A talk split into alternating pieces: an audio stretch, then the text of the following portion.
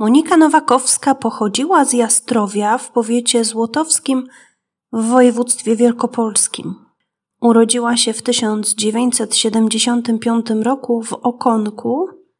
Miała siedmioro rodzeństwa i była spośród nich najmłodsza. W 1997 roku wyszła za mąż za Andrzeja Nowakowskiego. Od 2000 roku pracowała jako krawcowa w szwalni w Złotowie. W środę 26 listopada 2003 roku, po zakończeniu swojej pracy, kobieta rozmawiała telefonicznie ze swoim mężem. Powiadomiła go, że udaje się na dworzec PKS i wróci autobusem do domu. Najbliższe połączenie miała o godzinie 16.51.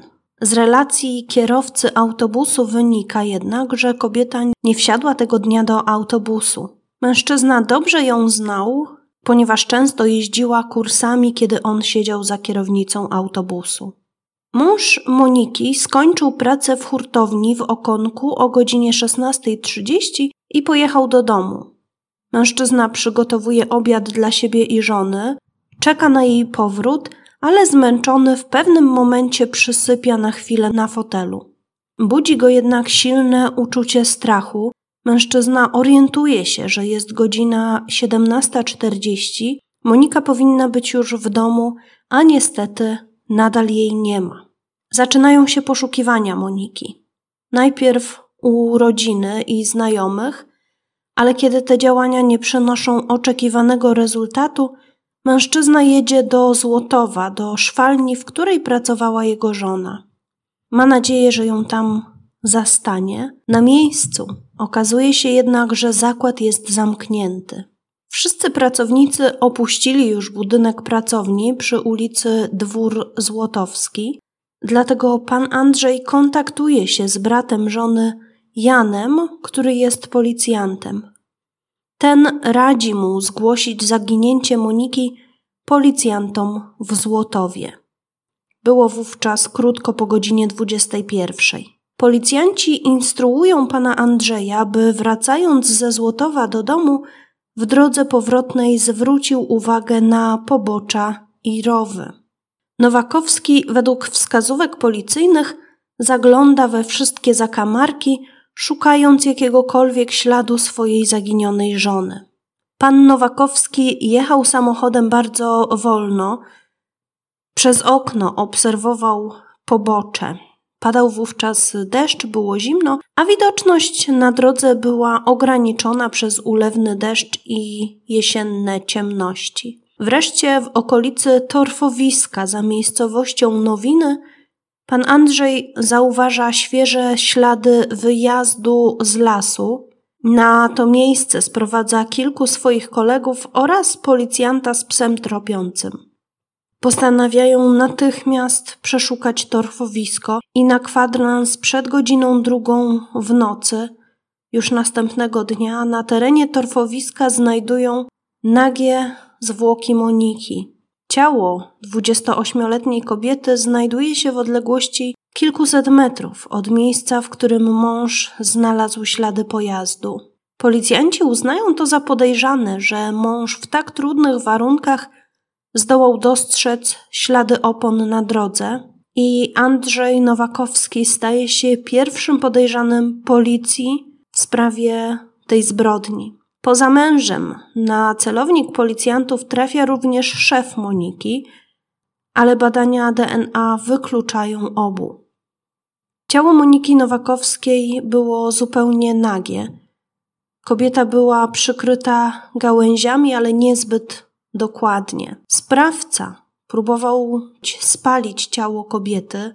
Była ona również bita przez sprawcę. Ślady uderzeń znaleziono na prawym policzku i z tyłu głowy. Również na plecach widniały ślady po uderzeniach. Z całą pewnością Monika została przez sprawcę skrępowana taśmą.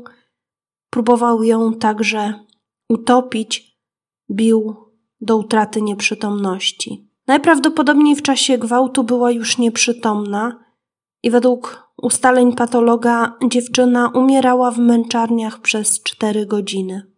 Na zwłokach znaleziono błoto i pyłki roślin. Według ekspertów część z nich rzeczywiście pochodziła z torfowiska, z tego miejsca, w którym ją znaleziono, ale pojawiły się również na ciele takie pyłki i błoto, które na tamtym obszarze torfowiska nie występowały.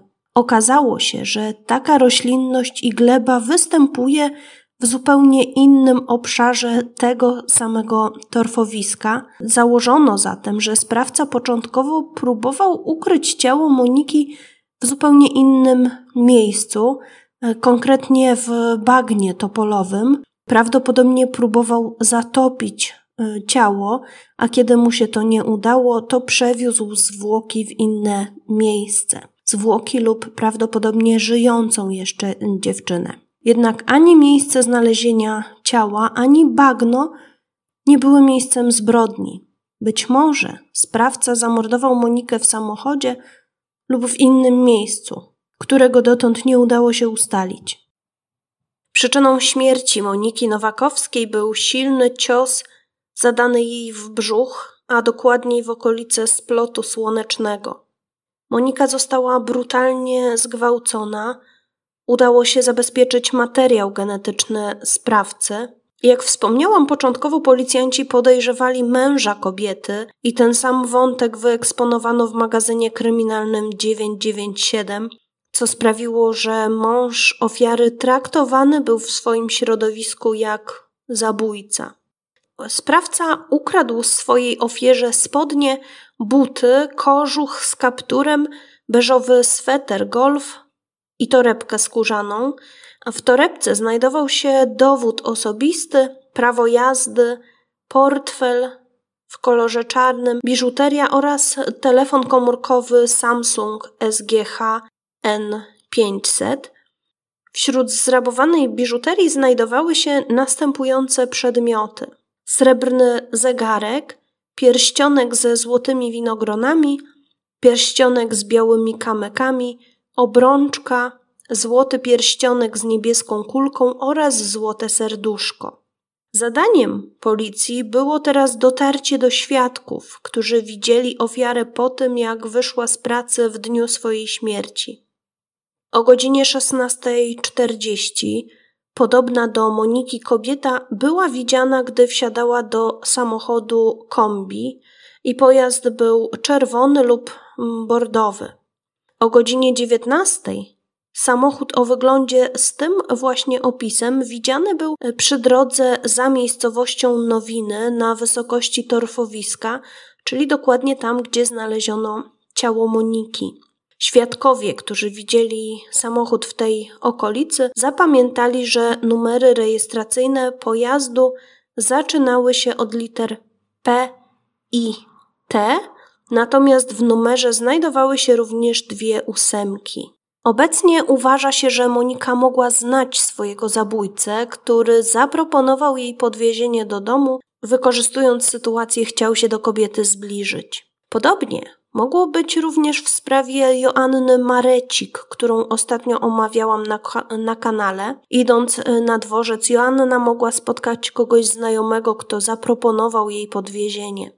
Link do tego odcinka pojawi się w prawym górnym rogu ekranu. W sprawie Moniki pojawiły się informacje o tym, że młoda kobieta miała adoratora, który próbował się z nią umówić.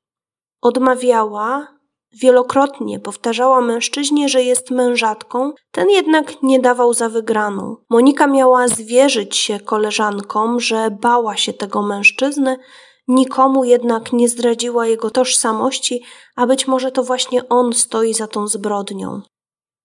To, co bardzo rzuca się w oczy w tej sprawie, to fakt, że mimo iż Monika była naga i porzucono ją na gołej ziemi, to sprawca podłożył pod jej głowę kawałek jakiegoś materiału, i sprawiało to wrażenie, jakby chciał podłożyć pod jej głowę y, poduszkę.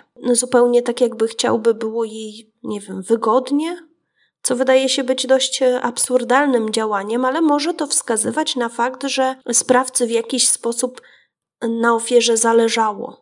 Być może był to mężczyzna zakochany w Monice lub darzący ją e, sympatią.